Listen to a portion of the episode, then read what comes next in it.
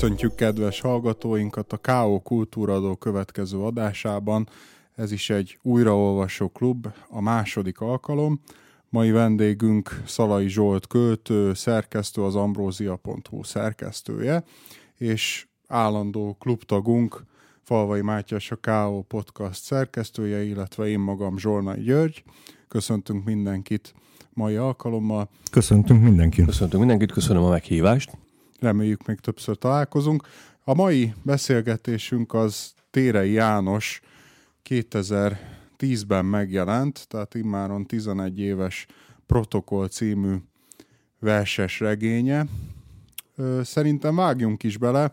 Az lenne az első kérdés, és hát ugye azt így előre bocsátanánk, hogy a nem túl régóta létező műsornak a hagyományai azt, azt kívánják, hogy teljesen kötetlenül, és ami, ami számunkra ebből az olvasásból, ebből az újraolvasásból élményként adódott, arról beszéljünk, tehát nem arra törekszünk, hogy valami irodalomtudományos megközelítést adjunk, nem is arra, hogy kritikát fogalmazzunk meg, hanem egy kicsit szubjektívebben, kicsit olyan ö, megközelítésben beszélünk egy általunk szeretett, vagy éppen sokak által kedvet, kedvelt könyvről, ami megérdemli a figyelmet 2021-ben és később is.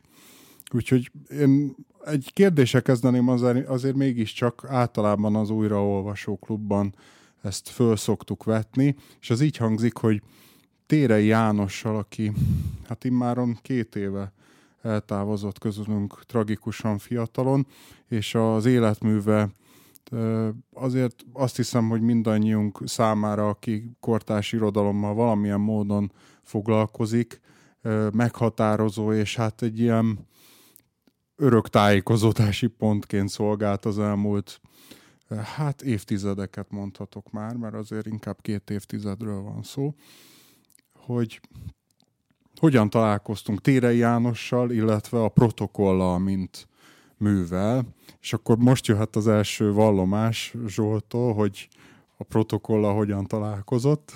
Hát a protokollal lényegében azért most találkoztam a beszélgetésre való felkérés után először, de magával a téreivel, ha jól emlékszem, 2001-ben vagy 2002-ben találkoztam először személyesen egy szegedi kollégiumban, annak a klubjában volt egy beszélgetés vele, ha jól emlékszem, a, a Dresda kötetével kapcsolatban ami nagyon izgalmas volt, és utána előszedtük a, a 90-es években, hogy akkor megjelent korábbi első köteteit, aztán pedig a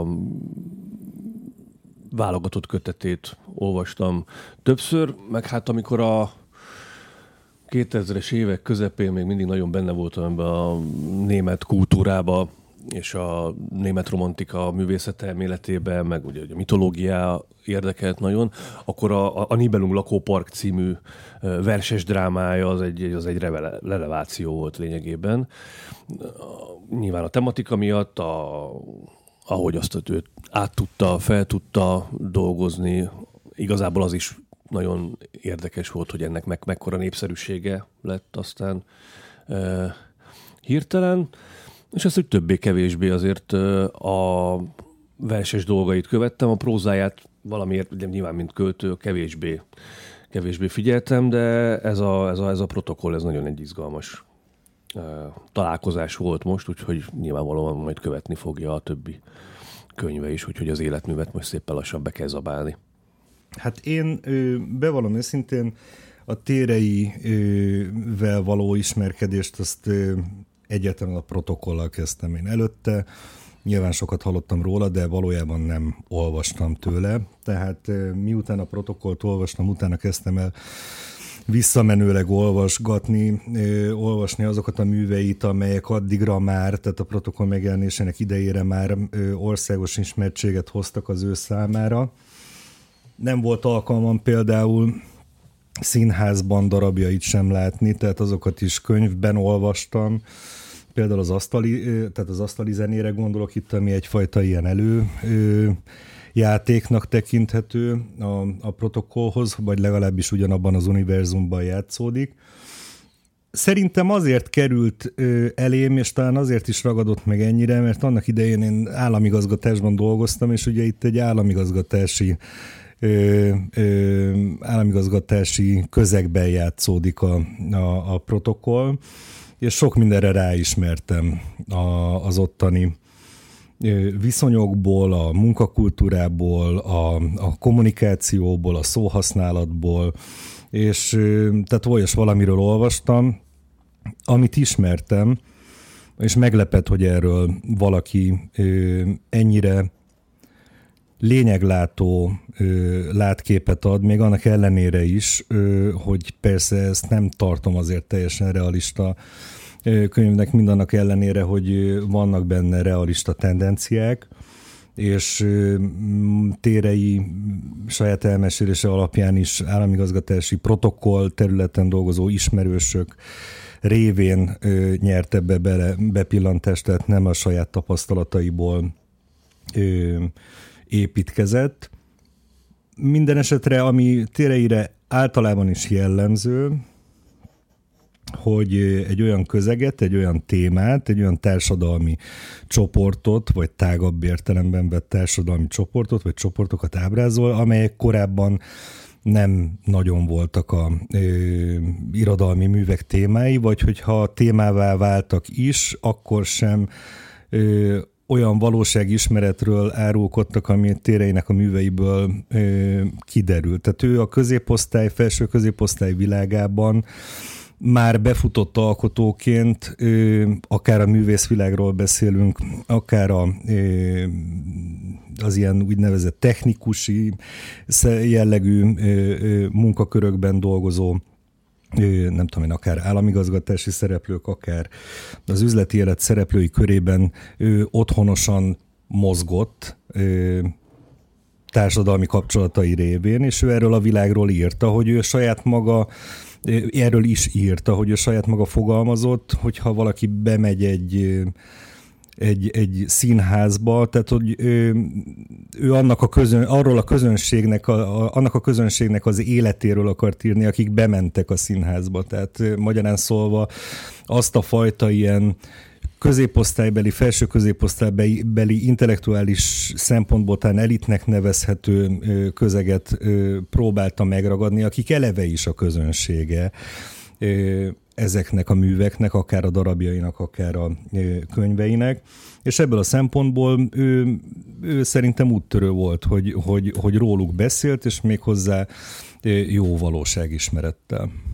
Ami engem illet, én a protokollal tehát nem a protokollnál kezdtem, nem ott kapcsolódtam be, viszont színházban valóban én is találkoztam műveivel korábban, például az asztali zenével, illetve a Jeremiása vagy az Isten idege című misztériumjátékszerű, ilyen debreceni lokalizációval rendelkező művével, amiben egyébként egy parlamenti képviselő a főszereplő, tehát ezért is érdekes, de a, a, arról is írtam egyébként recenziót, és magáról a protokollról is. 2012 elején jelent meg az irodalom ismeretben. Na ezt csak azért mondom, nem akarom magamat promózni, csak újra kell, az újraolvasás után a recepcióját is igyekeztem egy kicsit újraolvasni, és itt görgetném egy kicsit tovább a beszélgetést, és abszolút szabad úgymond klubéletet hagyva most itt magunknak.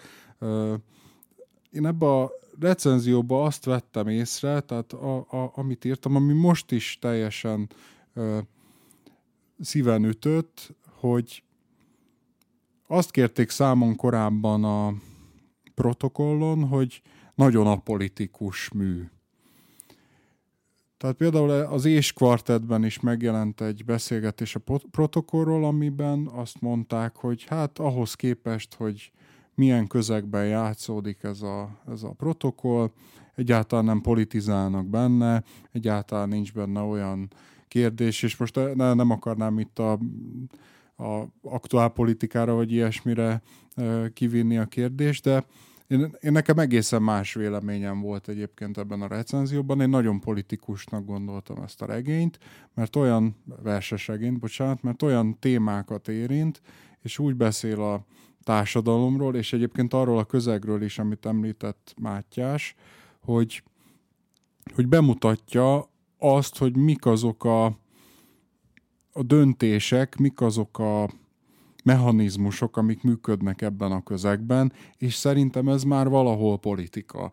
Tehát az, hogy fölismeri az ember azt, hogy milyen szisztémák szerint működik egy társadalom, most lehet, hogy a társadalomnak csak egy rétege, szerintem ott már az már politikát kíván a szerzőtől is, tehát olyan fajta érzékenységet, arra való nyitottságot, azt, hogy ezt visszaadja, olyan nyelvet használja, hogy azok a azok az úgynevezett túlélési stratégiák, vagy azok a ö, megküzdési stratégiák, hogy egy másik stratégiai kifejezést használjak, mindegyik valamiféle politikusságot kíván. Nem aktuál politikát, hanem azt, hogy az ember a saját érdekeiért és a, abban a közegben, a, akár a közeg érdekért, esetleg az ország érdekéért, mint például ebben a műben is vannak, ugye konkrét politikai eseményekre, utalások és konkrét politikai eseményekkel való ö, politikai megküzdési stratégiákat is látunk. Tehát én, én azt gondolom, ez most egy ilyen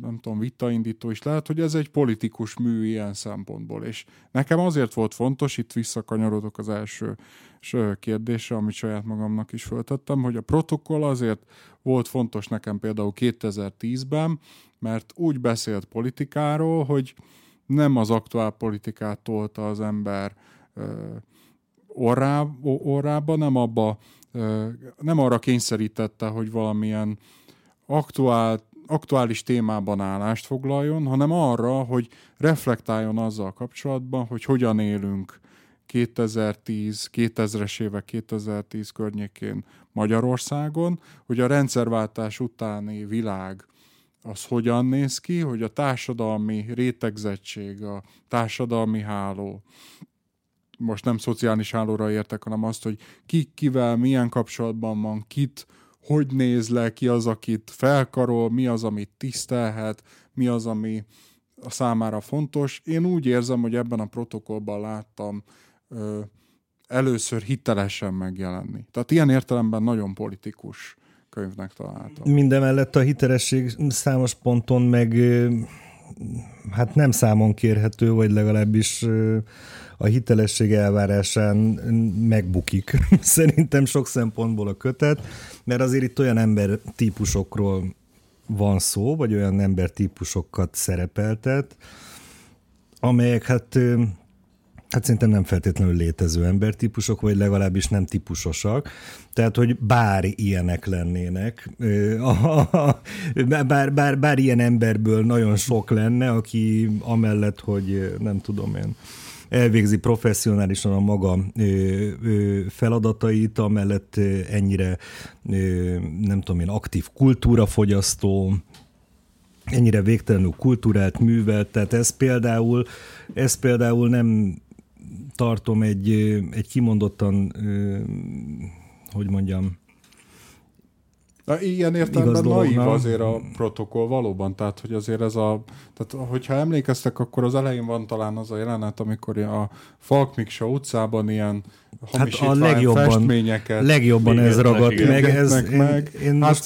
ez, ez, szerintem annyira valószerűtlen bármilyen időben Magyarországon, és pont a politika miatt, hogy képeket égessenek a Falk Miksa utcában, hogy szerintem tényleg itt valamiféle naivitással állunk szemben, de nem is erre gondoltam, amikor itt Vagy idealizálás. Vagy, vagy idealizálás. Bocsánat, csak ehhez még egy gondolat, hogy én nem azt gondolom, hogy, hogy ö, ö, naív, én azt gondolom, hogy felöltözteti a szereplőit, megajándékozza őket olyan műveltséggel, meg olyan kulturális kontextussal, ami nem feltétlenül tipikusan lehetne a sajátjuk, vagy nem az a tapasztalat. Tehát akkor te jó, jó hiszeműen viszonyulsz ehhez, hogy tényleg olyan ö, figurákat alkot, akik ugyan nem léteznek a valóságban, de ha léteznének, milyen jó lenne. Biztos vagyok benne, hogy amikor ezeket az alakokat ilyenné formálta, akkor tisztában volt vele, hmm. hogy ez nem egy létező ö, dolog. Tehát akkor a, a,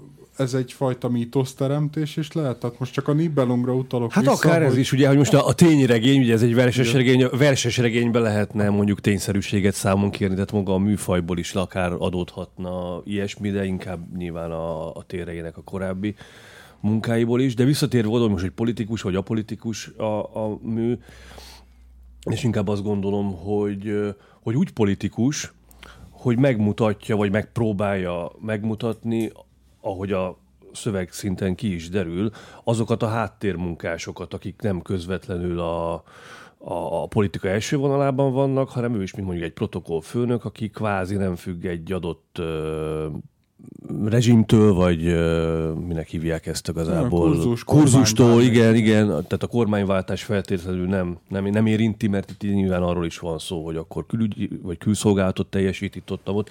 Tehát, hogy valamiféle módon ö, egy olyan, olyan, olyan szakember gárda, aki kiszolgálja azokat az érdekeket, vagy eszméket, amiket ki kell szolgálnia, hogyha ugye abban a munkakörben kíván dolgozni, és ez valami fajta megfelelést, valami fajta alkalmazkodást kíván, és ki tudja ezt igazából végrehajtani, jól vagy rosszul, milyen problémákkal küzd, akár motivációs problémákkal, vagy magánéleti problémákkal, vagy morális problémákkal e- ezzel kapcsolatban, tehát erről is valahogy szólni kíván a, a, a mű, de ugye olyan szempontból is politikus szerintem, már jó értelemben, hogy tényleg bele kapcsol olyan akkori ö, eseményeket, itt mondjuk például a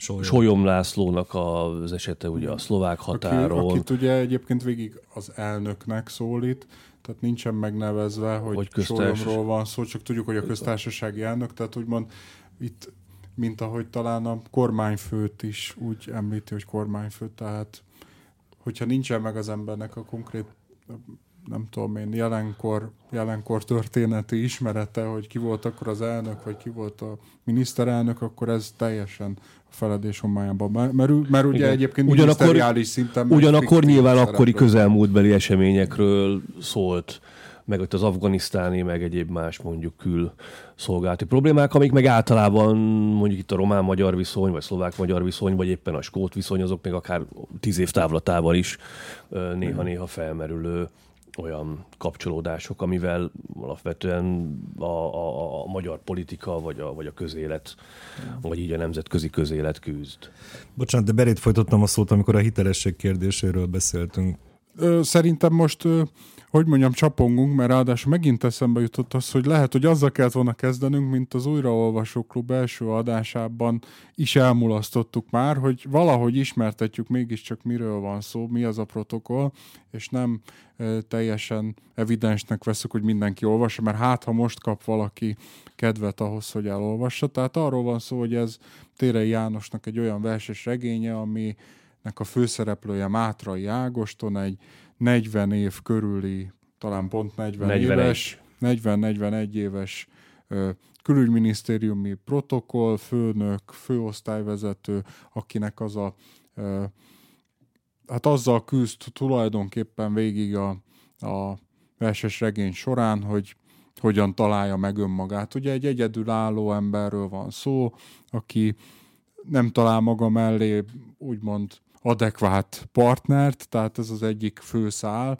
és egyébként érdekes, hogy a recep- recepcióban éppen ezt kérik számon a, a, ezen a művön, hogy mennyire elnagyolt az érzelmi szál. Tehát valódi érzelmi szál nincsen benne, ilyeneket mondtak például az és kvartetben is, hanem sokkal inkább csak ilyen, ilyen szexuális jellegű, vagy egy ilyen teljesen tinédzser-szerű, udvarlásos valami, és nem egy ilyen 40 éves meglett férfi embernek a, az egzisztencia teremtésre, meg gondoskodásra, meg hasonló szempontokra utaló viselkedése, de hát én azt hiszem, hogy nem, nem feladatunk úgymond mindenféle mintát számon kérni a, egy fiktív műnek a főszereplőjén, tehát tulajdonképpen az, az azt hiszem, hogy már túlmutat egy Hát meg én ezt is elképzelhetőnek tartom, tehát hogy valaki így szocializálódik, és nyilván, mint ahogy a regényben, vagy a, hát egy regényben igen, is kiderül, hogy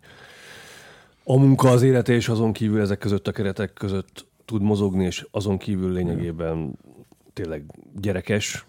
Igen.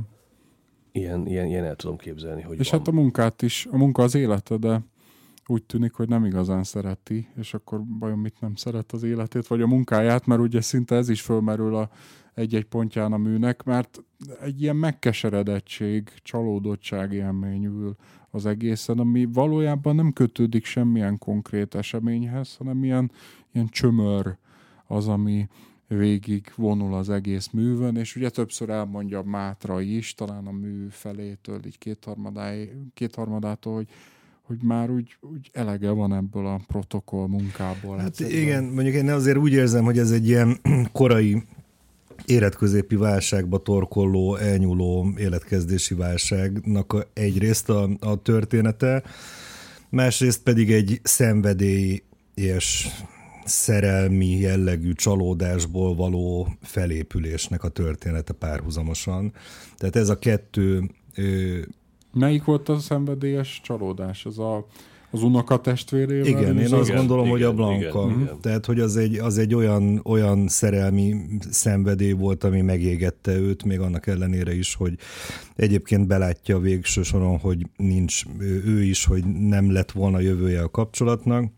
Szerintem itt konkrétan egy, egy nagyon, nagyon hitelesen ábrázolt, szakítás utáni pszichológiai folyamatot nézünk végig, amire, ami egybecseng ezzel a bizonyos ezzel a bizonyos korai, korai életközépi válsággal, illetve az azzal való megküzdéssel azért bennem az fölmerült, miközben olvastam, és nyilván ahol elkezdi a szerző, ott kezdődik a mű, de valamiért pont ott kezdi el, tehát akkor a válságot akarta megörökíteni. De ez nekem azt feltételezi, hogy előtte Mátrai Ágoston ebben az univerzumban, amit, amit ilyen módon ismerünk csak, tehát nem ismerjük az előzményeit, nincsenek ilyen, ilyen előzmény. Egy-egy mellékszereplő előéletét ismerjük, de pont Mátraiét nem. De Igen, az utóéletéből aztán majd később kapunk ízelítő. De hogy ez azt feltételezi, hogy akkor meg ugye néhány visszatekintést kapunk, hogy korábban mit csinált, amikor követségi munkán már valahol kiküldetésen dolgozott, de azt feltételezi, hogy ő 39-40 éves koráig elégedett életet élt, és hogy valami miatt ezt a kiégést mind a két szinten valami úgymond triggerelte, hogy ezt a szép magyar szót használjam. Tehát valami történt vele itt, ebben a protokoll című műben, és azért ezt az időtávot ö, vette tére. És szerintetek mi történt azon kívül? Na most pont, vissza, pont ezt akartam kérdezni tőled, hogy hogy mi ez? Hát, na, hát, na, hát ezt kérdezném, hogy tehát a szakítás történt egyfelől, de hogy, hogy, hogy esik, tehát a válság az, hogy adódik éppen egy azon pillanatban, tehát munkahelyi válság is adódik, de hát előtte ő tulajdonképpen 15 20 évig ugyanezt csinálta. Hát, mert természetes Éppen dolog, akkor... hogy az ember élet útjának felén az ember ezekkel a kérdés, bizonyos kérdésekkel kénytelen Ami ugye 33 De olyan hirtelen rátörőnek tűnik nekem ez, tehát igazából, hogy Spanyolországban nyaralnak ugye a Blankával, aki aztán, ugye az unok, unokatestvére. Igen, azt megtudjuk, hogy azért ők gyerekkorukban is úgymond a, a gyermeki szexualitással is együtt találkoztak először, de arról abban az első néhány oldalban nincs szó, hogy a munkájával elégedetlen lenne. Tehát, minthogyha ez az egész válságszituáció lényegében a szakítással együtt állna elő, tehát beütött egy olyan krak, amikor ebben a, ebben a, ebben a szituációban nem tudna dönteni semmilyen szinten, nem tudja hogyan kezelni a magánéleti problémáit, és ez aztán egy kihatással lesz lényegében a munkahelyi környezetére is. Mert hogy a kollégáknak a reakcióiból lényegében az tűnik elő, hogy, hogy nem szoktak hozzá, hogy a, a mátrai fegyelmezetlen, vagy fáradt, vagy nem elvégzi a munkáját, de nincs ott teljes száz százalékban és ilyen módon ezek a, ezek a kapcsolatai valamilyen módon lazulnak, vagy éppen a pozíciója is kezd dinogni ugye egy-egy feltörekvő ifjú titán révén. Most szerintem sok fontos, fontos dolgot mondtál. Egyrészt ez az egymás utániság, és az, tehát a válságok egymás utánisága, vagy kumulálódása, nem uh-huh. is tudom. Kumulálódás, azt szerintem ez, jobb. Tehát, hogy, tehát, igen, igen, igen, igen, igen tudományosabb, bár, bár igen, lazzák vagyunk, tudományosabb. Vagyunk, De arra gondoltam, hogy lehet az, hogy egy ilyen szakítási tapasztalatban olyan dolgok hangoznak el, mint ahogy itt is elhangoztak, amikor például kaktuszembernek nevezte a Blanka Ágostont, hogy valami olyan elemi ö, elemi mondat hangzik el, ami aztán kihat az ő életére más szinten is. Tehát arra gondolok, hogy ugye, ha átgondoljuk, hogy miért protokoll a címe a műnek, és aztán végignézzük, hogy hány helyen, hány helyet mutat be a szerző, hány kiküldetése van, hány valódi protokolláris eseményről van szó, hány tiszta rítus van, kezdve a barátok találkozása, ugye a szokásos péntek esti találkozó, amiből egy, egyébként ugye kiesik az egyik szereplő a műsorán.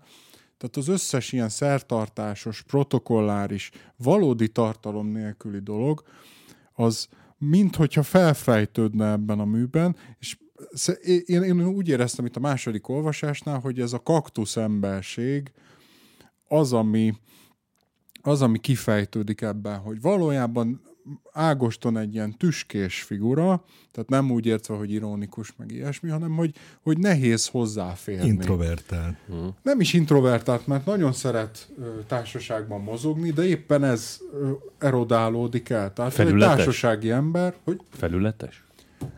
Nem is ennek mondanám, nem felületes. Én úgy érzem, hogy inkább olyan, akihez nem lehet hozzáférni, van egy külső maszkja, és talán ezért nem működik Blankával sem a kapcsolat, nem is az ilyen külsődleges ügyek miatt, hogy mi lesz, ha kiderül, hogy az unoka testvérével kavar, hanem azért, hogy van egy olyan maszkja, amin túl nem lehet hozzáférni, és ez ez a, ez a, ez a maszk, ez a, a tüskék, úgymond, ami, ami nem engedi, hogy hozzáférjenek magához a növényhez, az az, ami itt elkezd Visszafelé szúrni. Vissza, visszafelé szúrni, igen, az, ami úgy lefejtődik, az, ami így lemállik, és ezért azt gondolom, most a második olvasásnál ez volt az élményem, hogy ez a mondat, amit talán érdemes is lenne idézni, amit mondott a, a Gerda, hogy konkrétan azt mondta neki, hogy egy, egy, egy kaktusz ember vagy, és ezért nagyon nehéz veled bármit is kezdeni. Azt mondja, minden túlreagálsz, a percnyi késést, kis kényeztetést. Szúrós vagy, tüskés, tényleg kaktuszember. És erre azt mondja Mátrai Ángoston, tüskés, mert hatványozottan csalódtam. Csalódás a köbön, körös körül. És hogy szerintem egy ilyen szakításos helyzetben hangozhatnak el olyan mondatok, amiket aztán az ember úgy magával visz az életében, és elkezd benne dolgozni. Tehát én el tudom képzelni, ugye a mű nem, nem szól erről, tehát most csak így pszichologizálunk, meg nem tudom, én prób- valami megértési stratégián dolgozunk, és most, most ezt, ezt javaslom, hogy elképzelhető, hogy korábban ilyesmi mondattal nem találkozott, mert mindenkinek elég volt az, legyen az barátnő, munkahely, akármi, hogy ő ilyen, hogy ő az, aki a formákat tiszteletben tartja, ő végtelenül udvarias, ő végtelenül pontos, teljesen rendben Schneidig. Schneidig. De itt volt ez a nő, az unokatestvére, Blanka, akinek ennél több kellett, és nem tudott többet adni, mert ez a kérdés, és mintha erről szólna, nekem legalábbis erről szólna a mű, lehet, hogy nincs is több. És Vagy nem engedi, hogy több legyen.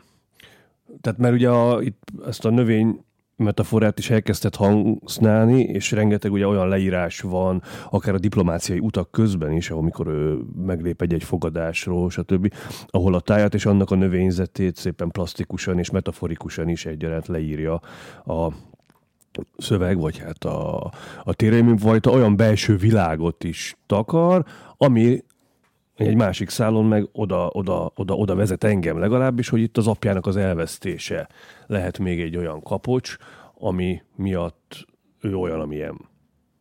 Tehát az a fajta csalódottság, vagy, vagy, vagy zárkózottság, az az apának az elvesztése miatt is adódhat, és közben van egy olyan munkahelye, ahova nem illik bevinni mondjuk a magánéletet, tehát ezzel a traumával valahol úgy küzd évekig, évtizedekig, hogy aztán már képtelen valódi emberi kapcsolatra. Hát a protokoll világa az abszolút az ilyen me- metagesztusoknak a világa, tehát hogy minden, ami ebben történik, arra szolgál, hogy a lényegi dolgoktól, az emberi lényegtől e, eltávolítsad magad e, egy biztonságos, jól dekódolható, nem tudom én, e, ilyen kommunikációs eszközrendszerbe. Tehát ebben az értelemben ez egyébként tényleg nagyon erős, nagyon erős keretezése egy olyas fajta emberről vagy problémáról való beszédnek, ami arról szól, hogy az ember keresi valahogy az személyisége középpontját, a leglényegét, küzd ezzel, lehet, hogy nem fér hozzá, és felmerül benne, hogy lehet, hogy nincs is, de hogy azt érzi, hogy kívül van a saját életén. És ez is furja, hogy erre reagál ö, olyan szituációkban, amikor mintha mégis ö, megpróbálnák szembesíteni, nem csak a nők szembesíteni ezzel, hanem van a, a, a főnöke, most nem tudom, hogy ez a skultéti, uh-huh. hanem aki... A, nem, a, a skultéti a miniszter, és ki az, akinek a Imádom életét... a skultétinek a nevét. akinek az életét megmentette az apja.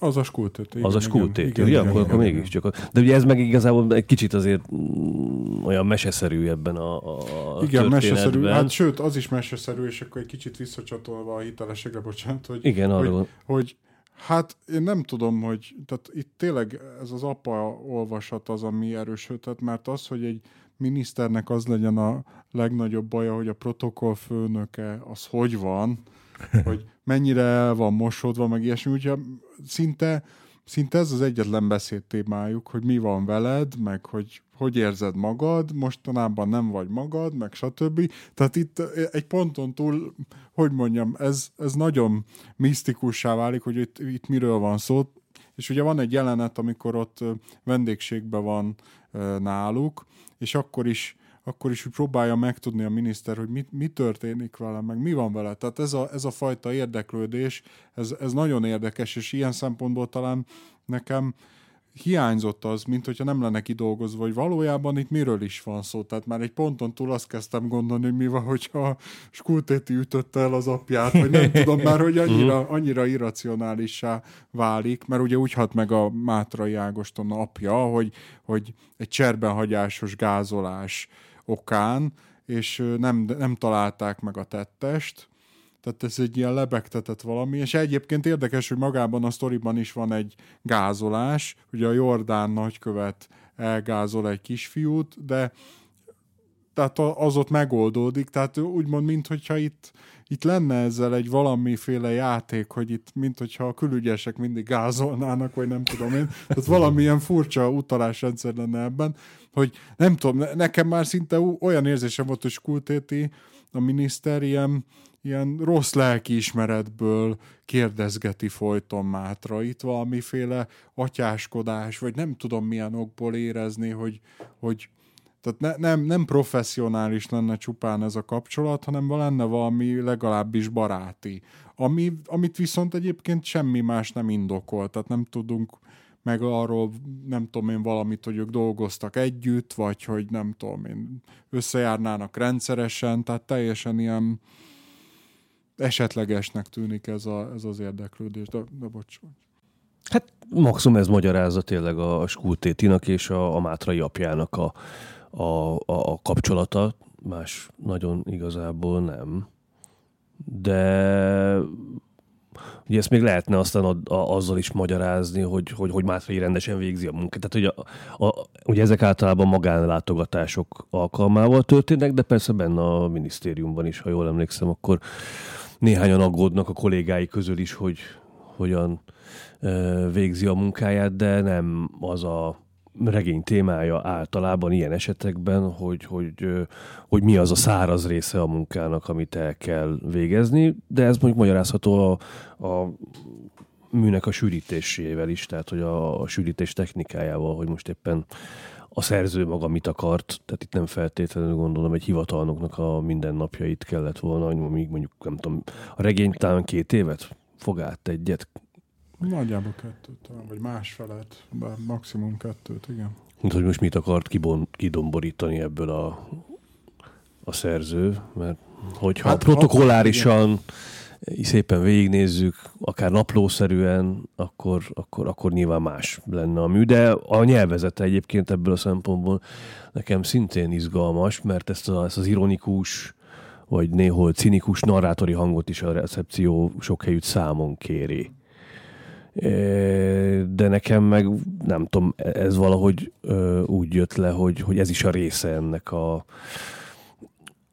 a protokolláris viselkedés bemutatásának, hogy valami ilyesmi módon, valami kívülálló módon, valami háttérember módjára beszél a narrátor arról, ami ebben a világban történik, tehát semmibe se túlságosan belefolyni keretek közé zárni, meg hát tényleg a, a, a Mindig le van csapva, hogy mondta Mátrai. tehát, hogy, tehát, hogy, Nem hogy, mondta, hogy... mondta, az éppen nincs ott.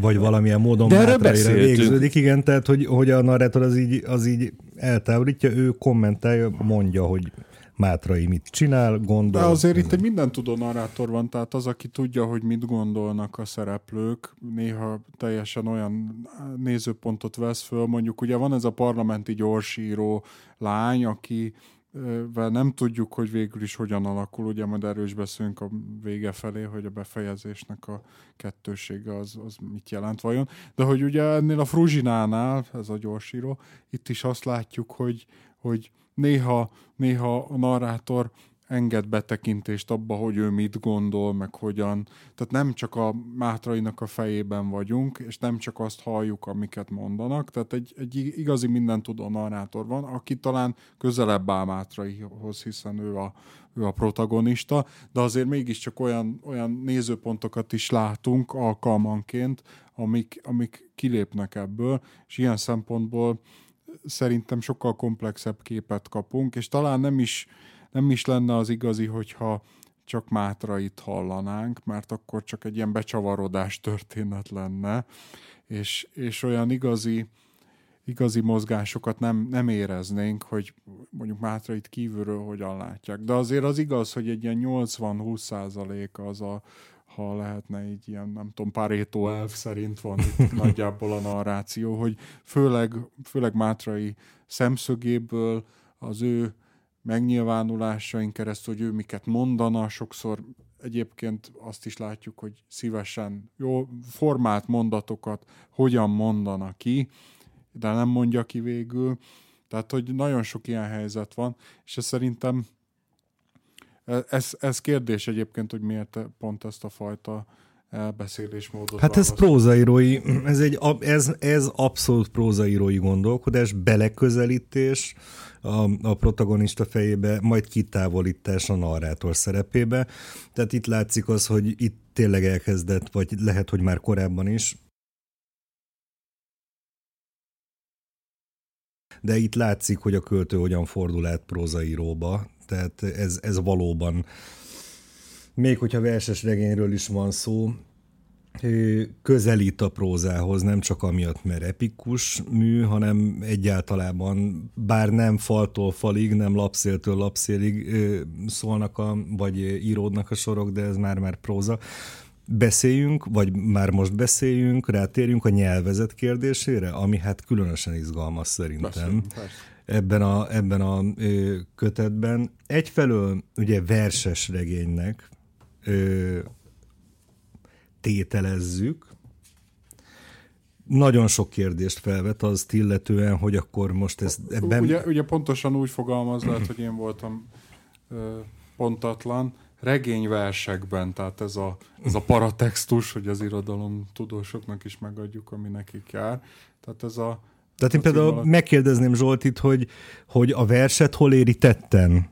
ebben a beszédmódban, most független attól, hogy valóban egy versformát követ, nem az ugye alapvetően már elég, vagy hát az, hogy rit, hát a szöveg ritmusában alapvetően az teljesen egyértelműen látszik, de most amit a Gyuri fölolvasott, hogy versekben, tehát ez ugye ilyen szempontból pedig még izgalmasabb, mert itt-ott ott tényleg az is mm, látszik, és én nem követtem tényleg a, a megjelenés előtti időszakban, hogy ezekből jelentek-e meg publikációi külön. Tehát, hogy versekben az feltételez azt is, hogy akár egy-egy rész megáll önmagában már. Azt hogy... részletekben jelent meg mielőtt uh, így, így. Mert hogy itt ugye körülbelül, mint tudom én, akár ilyen, ilyen 20 soros szakaszok is vannak, amelyek, amelyek önmagukban alapvetően meg e, tudnának e, állni, és ahogy a Mátyás mondta az előbb, hogy bár prózaírói fejjel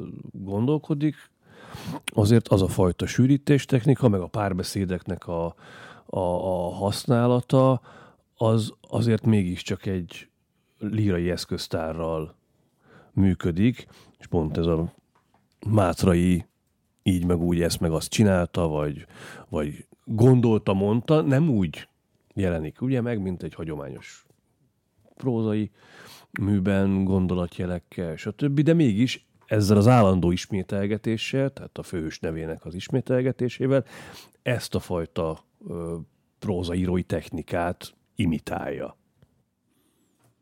Illetve már említetted korábban itt a növény metafora kapcsán azt is, hogy rengeteg, tehát úgymond a lírikus kezére játszó helyzetnek érzem azt, hogy a protokollról van szó, mint olyanról, és hogy ö, olyan helyszínekről van szó, amik megfogalmazhatók versben, úgymond verzifikálhatók, tehát mondjuk Budapesttől kezdve New Yorkban, amikor jár, járnak ugye talán még egyszer Tallinnban is előfordulnak, Tel Avivban, tehát rengeteg helyen megjelennek, és azok tehát önmagukban is alkalmasak arra, hogy egy-egy olyan hangulatot, ugye ennek a hangulat visszaadása, ilyen széles ecsetkezeléssel lírikusként beszéljen ilyen benyomásokról, és mondjuk lehet, hogy prózában ez,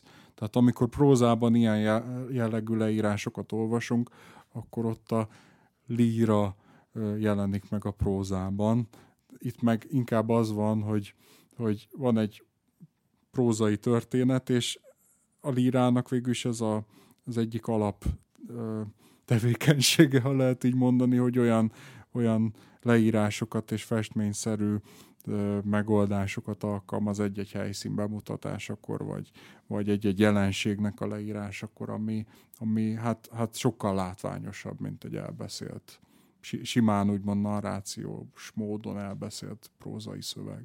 És akkor ugye ezzel kapcsolatban nekem az lenne akkor a kérdésem, hogy ez hogyan viszonyul mondjuk ahhoz, amit az előbb beszéltünk, hogy, hogy a narrátor szerepe, meg mondjuk akkor a Mátrainak a, a lelki világa, uh, ugye, hogy akkor ez itt egy kiszínezett, vagy éppen tényleg egy költői módon narrált történet, vagy akkor a, a, a lélekábrázolás ebben a műben hogyan történik, hogy a, ha a Mátrainak a fejében is valami hasonló gondolatok és képek sorjáznak, ahogy a narrátor beszél mondjuk pusztán így a helyszínekről, ez mennyire kivetítése mondjuk itt a főhősünknek a, a, a gondolatvilágának, mert hogy ez akkor így eléggé ellentmondásosjá is teheti a, a, a, a művet, vagy akár magát a főszereplőt is.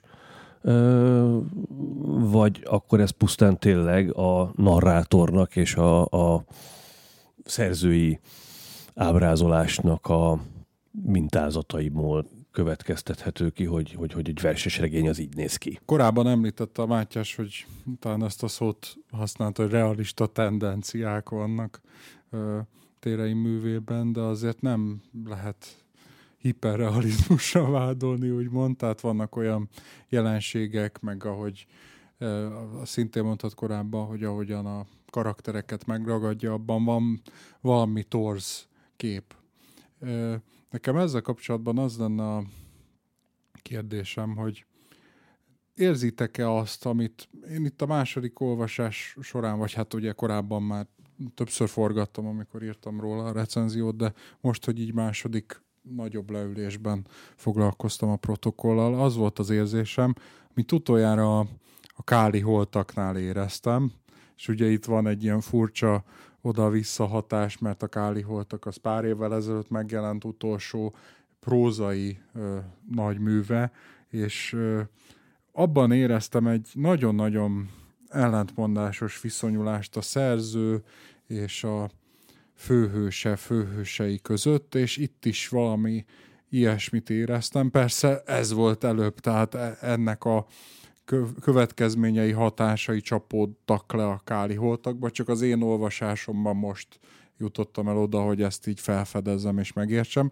Mégpedig az a fajta ilyen cinizmusnak, vagy nem is tudom, ironikus hozzáállásnak neve, lehet nevezni, ami, be, ami a protokollban ilyen undorként vala, van jelen, ilyen, tehát most arra gondolok, hogy ahogyan ő beszél a szereplőkről, és a, arról a közegről és arról a világról, amit, amin keresztül gyalogol mondjuk Mátrai. Nem csak a munkaundorára gondolok, amit prof, profi módon menedzsel, meg megcsinál, hanem arra is, hogy elmennek egy ö, házi buliba, ami egyáltalán nem tetszik nekik, teljesen ironikusan viszonyulnak az egészhez, elmennek egy ilyen képégetésre, ott is teljesen minden egyes szereplőhöz nagy távolságtartásra viszonyulnak, úgymond egy tüskényi távolságra minimum, ahogy a kaktusz ember teheti, de a színházban is elmennek előadásokra szinte azért, hogy fanyalogjanak. És ugye ez a, ez a nem tudom, ez a rutinszerű, már-már protokolláris fanyalgás, tehát az, hogy nincsen semmi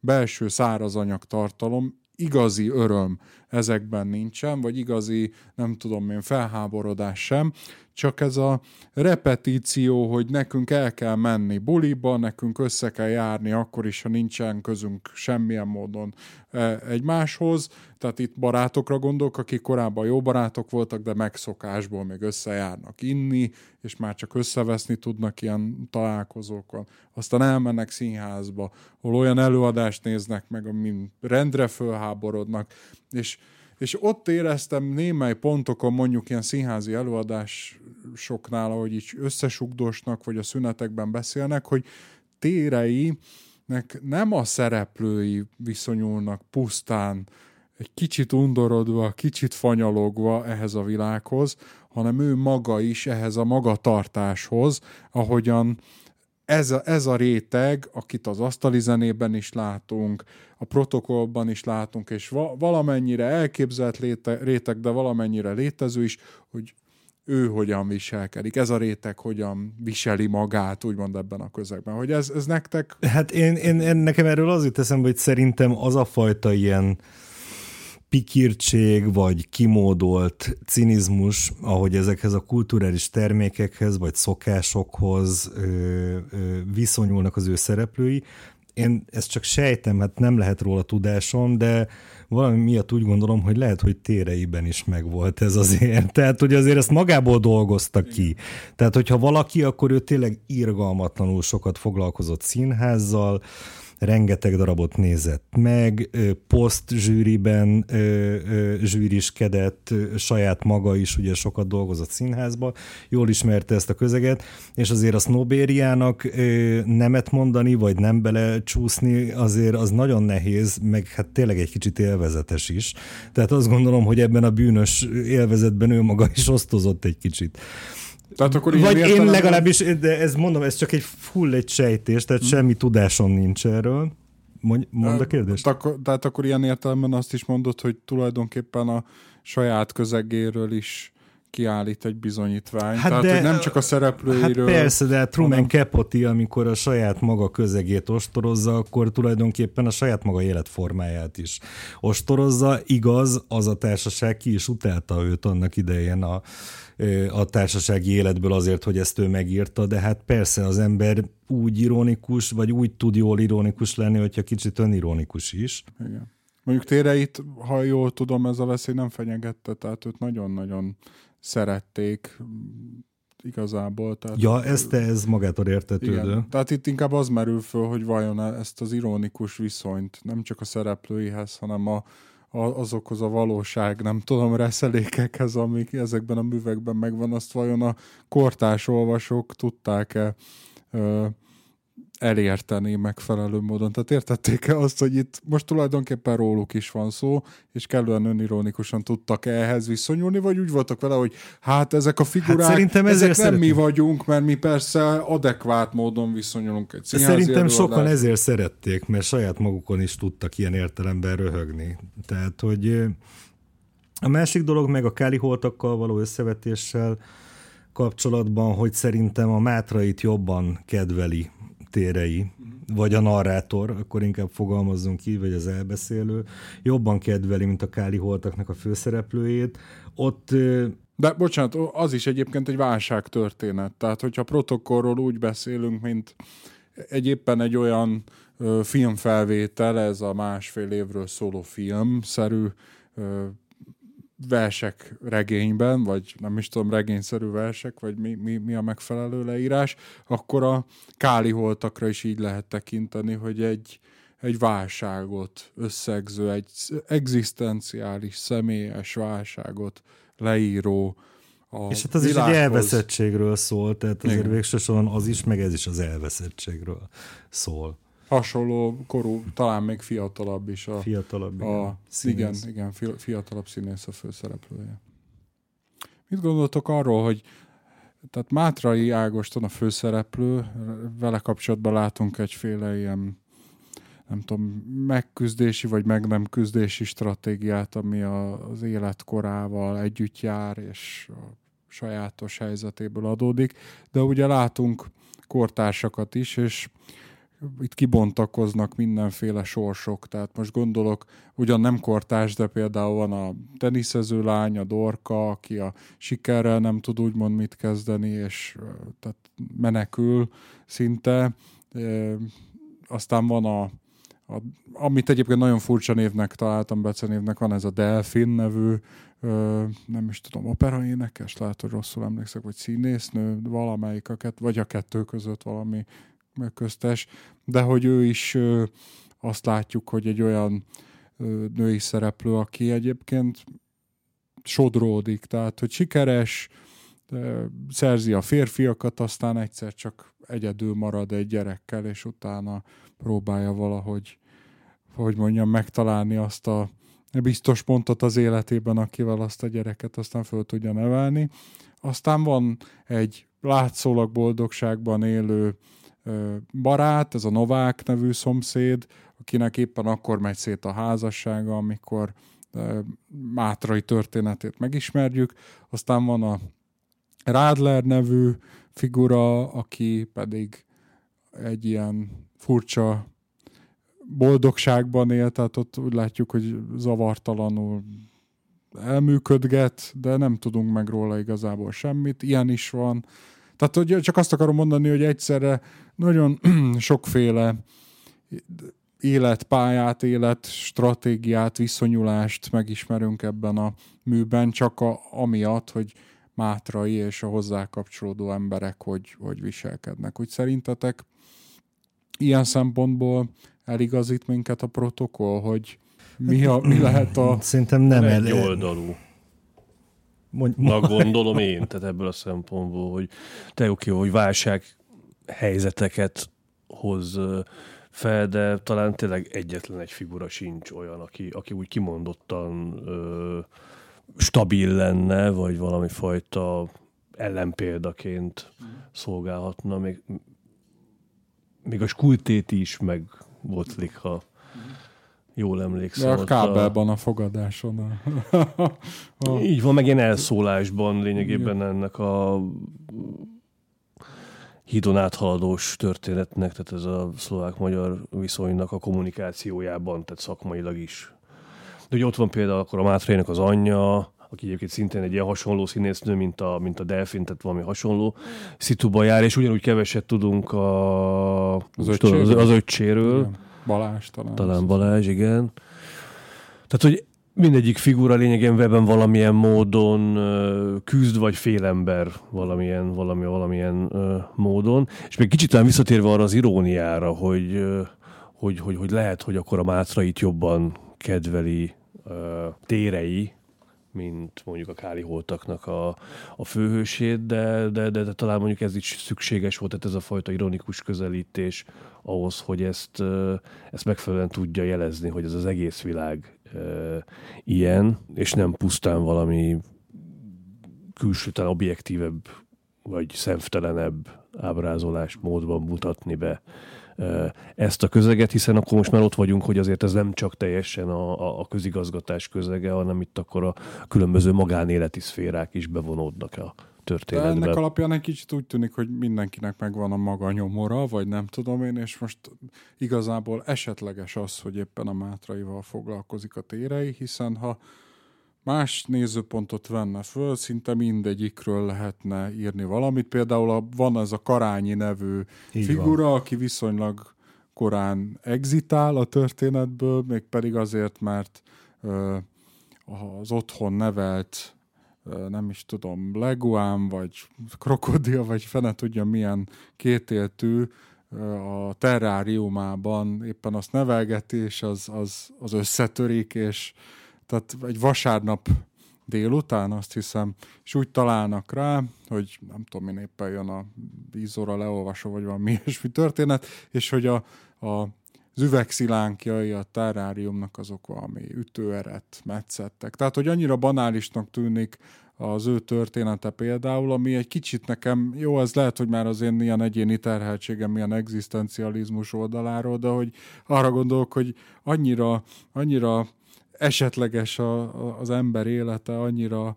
attól függ, hogy tehát semmi, semmilyen módon nincs valójában a kezében az, hogy mikor ér véget, milyen irányba tereli, az is sokféle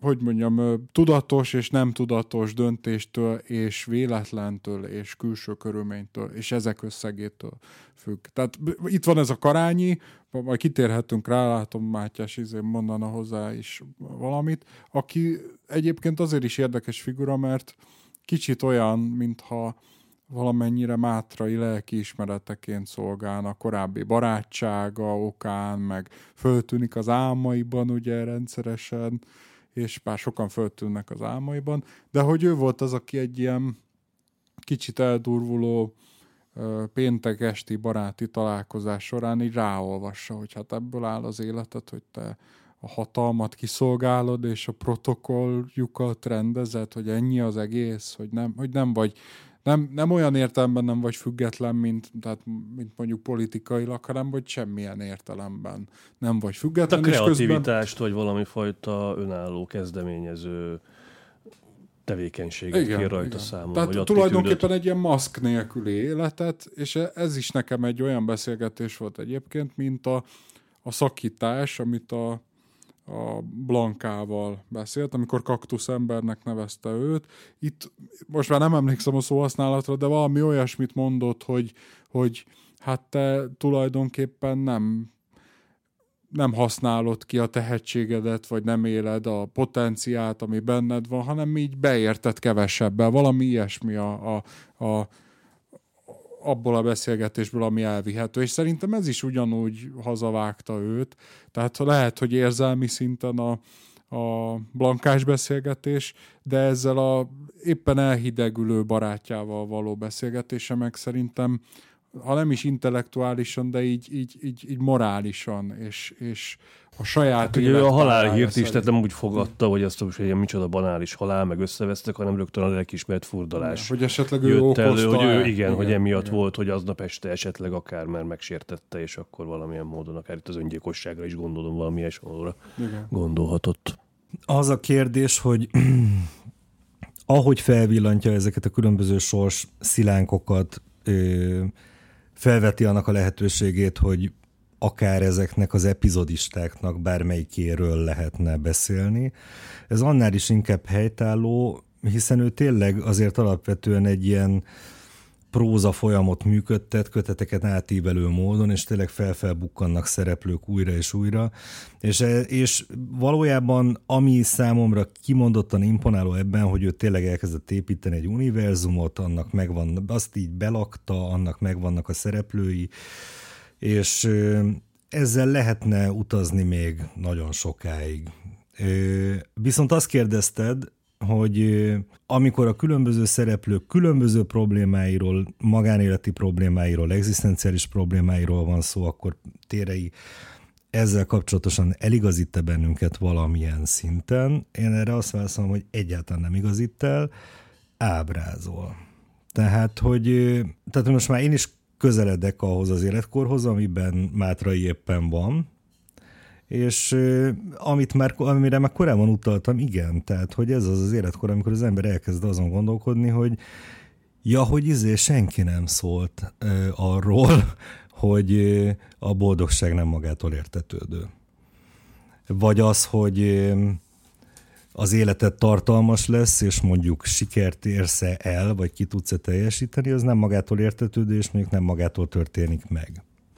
Hát ezt látjuk ezeknél az embereknél. Azok a magánéleti problémák, amiket ábrázol a különböző szereplőkön keresztül a protokoll, vagy térei a többi művében, ezek teljesen tipikus, hétköznapi problémák, ezt látom magam körül mindenhol. Ebben az értelemben én nem azt gondolom, hogy egy ilyen megcsömörlött ember ítélete az, hogy így ábrázolja a valóságunkat, hanem én körülbelül abba élek, amit itt, itt olvasok. Tehát, hogy ezt látom magam körül. De szerintem azt nem állítottuk, hogy megcsömörlött ember. Mit hát illetett? akkor itt Ez valami, itt lehet, valami, valami kilógott, valami, valami frajdi dolog ebből. Viszont ez azért annyiban kapcsolódnék, hogy a, hogyha megfigyeltétek, ez már az első olvasatkor is föltűn nekem, meg is említettem a recenziómban, de most talán még jobban uh, hogy mondjam, pulzál az a motto, ami a protokoll elején szerepel, ugye az Emil Csorántól a, egy, egy ö, francia nyelven író egyébként román egzisztencialista filozófusnak nevezhető rendkívül pessimista. Vadlapozás, uh-huh. Pessimista filozófustól való, aki azt mondta, hogy élni annyi, mint teret veszteni. Tulajdonképpen egyrészt a, a, azt arra szeretnélek titeket kérni, hogy segítsetek értelmezni ezt a mondatot, és hogy miért került ez mottóként a kötet elejére. Másrészt meg azt a, arra kérlek benneteket, hogy így a végéhez közeledve ennek a mottónak a fényében is vizsgáljuk meg a protokoll lezárását, ami egy, ugye egy ilyen kétfarkú lezárás, tehát hogy egyszerre olyan, mint hogyha két történést is ilyen Schrödinger macskájaként egyszerre hagyna élni és halni. Mit gondoltok tehát erről a mottóról? Élni annyi, mint teret veszteni. Hát, mint a szabadságból lényegében, hát a szabadságot elveszteni. Tehát ez a, a teret veszteni, ezt ugye értelmezhetjük uh, így is, tehát mondjuk az arra való képességet, hogy még ezt, meg ezt, meg ezt is megtehetem tehát a valamire való szabadságból valami fajta uh, hiányok és korlátozások fakadnak, amit végül is így látunk is a, a, a, a, a figura vagy a figurák uh, életében. Egyrészt, hogy amit számukra elképzelt világ, itt most akkor gondolok a Rádlerre, talán a Rádler, aki elválik? Novák. A Novák, a Novák, aki aki elválik, tehát egy felépített ideális családképből való, való, való kizuhanás, de a mindkét színésznőnél talán, ugye lényegében a, a, a menekülés már valami felé, valami fajta ragaszkodás, valami fajta biztoshoz, de nem, nem, nem építkezés egyik történet sem, és hát a egyik történet sem igazán építkezés, tehát valami fajta kiteljesedésbe, valami fajta nagyobb szabadságba való eljutás, hanem tényleg ez a, ez a, ez a, ez a térvesztés, ami nem feltétlenül csak a fizikai teret érthetjük ez alatt, hanem, hanem, hanem nyilván itt a lehetőségek időbeliségét, vagy a, Vagy akár a belső tereket. Mm. Tehát a, a, a, nem is a világképnek, inkább az érzelmi képeknek az elsivárosodását, tehát ez a splénikus hangulat igazából azért mégiscsak én azt gondolom, hogy, hogy, hogy, hogy itt van valami fajta veszteség, vagy amiről a Mátyás beszélt az előbb. Én azt érzem, hogy amit korábban is mondtam, hogy itt egy egzisztenciális, pszichológiai válsághelyzet feldolgozásának a történeteként olvastam én a, a protokollt. Ez valamilyen szinten nyugvópontra jut a történet végére. Az, hogy hogy ítéljem meg azt, hogy ez a nyugvópont, ez most megnyugvása, vagy lemondás, vagy veszteség, ezt azért nem tudom megmondani jelen pillanatban, mert nem érzem én egész egyszerűen nem érzek elég élettapasztalatot magamban azt illetően, hogy most erre jó rálátásom legyen. Ahogy mondtam, engem személyesen is egy csomó minden foglalkoztat ezek közül a kérdések közül, amiket ez a könyv fölvet. Saját élethelyzeteimre is tudok belőle bizonyos dolgokat vonatkoztatni, tehát hogy én ezeken nem, de nem tudok olyan oldalnézetből ránézni, ami térei kifejezése volt, és ami egy nagyon jó kifejezés a prózaírói ö, szemszöget illetően. Nem tudok olyan oldalnézetből ránézni, hogy, hogy, hogy erről ítéletet mondjak, viszont akkor visszakérdezek, hogy te... De még ne kérdezz vissza, no. mert először én, én, én kérdeznék bele abba, amit idáig mondtál. Tehát akkor itt a lezárásban szerepel a 21. 22. fejezetnél, ugye ez a Prodomo nevű fejezet, mind a kettőt így nevezik, és ugye az elsőben, az első úgy végződik, hogy Fruzsinával, a parlamenti gyorsíróval végül is elmegy kirándulni, és hát mint, tehát ilyen meseszerűen ér véget, mint boldogan élnek, akik meg nem halnak, mondhatni, tehát itt azért azt a... Ebben azt nem a, vagyok biztos, hogy az de minden esetre egymásra találásról szól az a rész, a másik rész pedig arról szól, hogy nem is kapott semmiféle SMS-t, nem is találkozik senkivel, hanem egyedül vág neki ennek a túrának, hogy tehát akkor jól értem, hogy számodra az megnyug, megnyugtató, hogy nem tudjuk megnyugtatóan a protokoll végén. Én azt gondolom, hogy az a kétféle lezárás lehetősége nem ez a tulajdonképpen a lezárása a történetnek, uh-huh. vagy nekem nem itt van vége. Uh-huh. Hanem? Ha nem ott van vége, hogy végső soron valamilyen módon tovább lép ebből a, ebből a megrekedtségből, ami ezt a másfél-két évet jellemzi, vagy amit ez a könyv leír. És úgy gondolom, hogy már mind a két nőnek lényegében, már a két nővel való kapcsolatának benne is vége van már jóval korábban. Tehát ahogy ott eldönti, hogy jól érzi magát a munkájában, valami hasonló, tehát hogy ez a megrekedtség, ez azzal a felismeréssel következik be, hogy ő neki kellenek ezek a, ezek a határok, mert ezt, ha jól emlékszem, tényleg ki is mondja, úgymond tőleg, és megkapja ezt a lett nagyköveti pozíciót, ő ezzel teljesen kibékül, és belátja, hogy a Blankával való kapcsolatának teljesen értelme nincsen, és végülis a, azt is, és még itt az utolsó fejezetben is valami hasonló narratíva van, hogy, hogy túl gyorsan rohanta le, túl sokat akart, nem is tudja feltétlenül, hogy mit akart, és hogy, de hogy annak is vége. Tehát maximum azért van annak ott jelentősége, mert mert ott engedi el mondjuk őt végleg, de annak a, az utolsó előtti résznek, vagy ö, fejezetnek a második fele, az meg ugye annak a leírása, hogy hogyan hagyja itt ezt az egész mondjuk magyar valóságot. Tehát én nem, nem, nem, nem, nem látom ezt a nyitva hagyást egyáltalán nem látom a Fruzsina helyét a, a, az életében, hogy magával akarná vinni, tehát ilyen jellegű utalásokat De, de sem. hogyha megnézitek, tehát nekem nem tudom, lehet, hogy akkor máshogy olvastuk, nekem a 21. és a 22. fejezet között, amellett, hogy van átfedés a kettő között. Van, de igen, szövegszerűen is. Szövegszerűen is, pontosan, de hogy két alternatív valóságot ír le, és az, hogy melyik történt meg, az számomra nem egyértelmű. Tehát én ezt úgy olvastam már régebben is, hogy itt nyitva hagyja térei azt, hogy melyik történt meg, és ez két ö, egyenrangú, bár terjedelmében nem ugyanolyan hosszú, de két egyenrangú lezárás. Uh-huh. És úgymond nem, nem is az olvasó dönti el, hanem valahogy a, ő sem dönti el, a valóság sem dönti el, hogy miről van szó, és ezért ráadásul ezért ugyanaz a címe mind a két fejezetnek. Tehát nekem, én egyáltalán nem úgy éreztem, hogy ez le van megnyugtatóan zárva, én sokkal inkább úgy éreztem, hogy, hogy itt föl lett emelve a toll és nem, és nem voltam benne biztos, hogy amikor nyugtatgatta magát, hogy akkor ő most megtalálta, nem tudom, a Baltikumban a számítását, meg ilyesmi, hogy az valóságos feloldás lenne, nem pedig egy ilyen ö, betanult, tehát nem egy visszatérés, egy ilyen regresszálódás egy korábbi állapothoz, hogy hát igen, nekem ez bevált,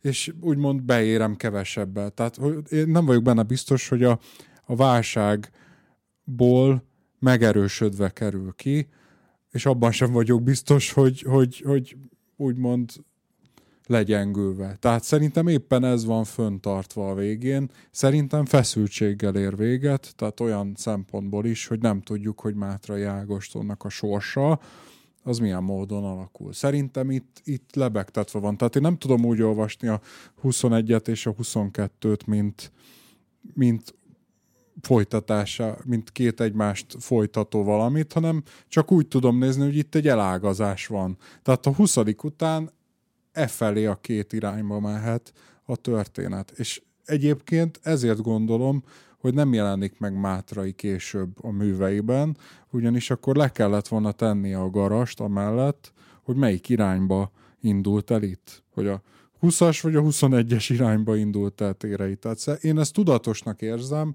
hogy itt a, úgymond a kaktusz embernek a, a, az ágai, vagy nem tudom én, bogai, a tüskéi, meg ilyesmi, nem tudjuk, hogy lehullanak-e a tüskék, hogy kivirágzik-e, vagy mi történik uh-huh. vele. Ugyanis azt gondolom, hogy akkor pont az történne, hogy teret veszítenénk ahogyan a mottóban van. Ugyanis akkor tudnánk, hogy tehát akkor, akkor tényleg reális szereplőről lenne szó, és akkor ő nem egy nem térei fantáziájának a szüleménye lenne, hanem akkor egy, ez egy teremtett hős lenne, hogy így, így mondjam, akkor neki felelnie kéne a sorsáért, hogy így mondjam, akkor az, ami történik vele, azt már térei alakította így, de így, hogy meghagyta neki a szabadságot, és tudom, ez már egy kicsit ilyen spekulatívan hangzik, de így, hogy meghagyta neki a szabadságot, így egy kicsit feloldozta az alól, hogy élnie kelljen, mert hogyha élnie kellene, akkor teret veszítene. Most teret hagyott neki két út, út irányába is.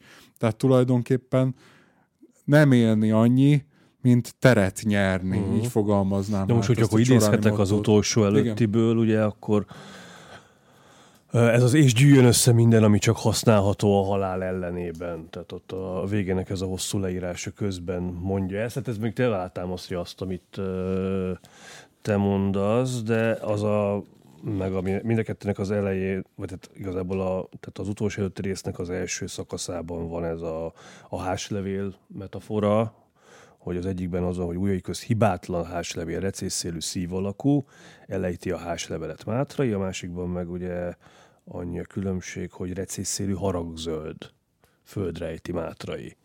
És Itt nem, akkor... és folytatódik tovább. A hegyre egyedül megy föl, semmilyen találka nincs megbeszélve már a senkivel. De az tehát... is úgy kezdődik, csak ugye akkor közben jön a Fruzsinának a hívása. De nem, nem, nem, nem. Nem. De a, itt van, a hegyre egyedül indul. Csak aztán tudjuk utána, Igen, hogy mégis megjelenik. De úgy vágyik az zöldbe, mint soha. Így volt reggel, aztán az üzenet is, is jött. jött. De itt lezárja, tehát itt arról van szó, jó, mondhatjuk azt, hogy idáig, eddig a pontig ugyanaz, de itt megáll az egyiknél a történet, mert valójában tényleg nincs megbeszélve találkozás senkivel, de a másiknál tudjuk, hogy de, mégis hmm. találkozik vele. Tehát, hogy itt nem találkozik senkivel, ott meg találkozik. Tehát ez az elvállás itt persze szövegileg egybeesik a kettő, de hogyha, tehát én azt kérdezem, próbálok a, a szerző fejével gondolkodni, hogy miért rakta ide ezt? Ezt a, 20, a 22-es fejezetet miért rakta ide? Tehát ez az egyetlen funkciója, hogy itt egymás mellé rendelődik a kettő. Az egyikben találkozik valakivel, a másikban nem találkozik. Ez azt jelenti, hogy ez két valóság, két lehetséges valóság. Nem? De akkor megkegyelmezett végül is Mátraira? Én így hogy gondolom, ne ke, igen. Hogy ne kelljen élnie? Igen, igen, ez volt a kegyelem. Oké. Okay. Mi is megkegyelmezünk a hallgatóknak. Kegyelmezzünk meg a hallgatóknak.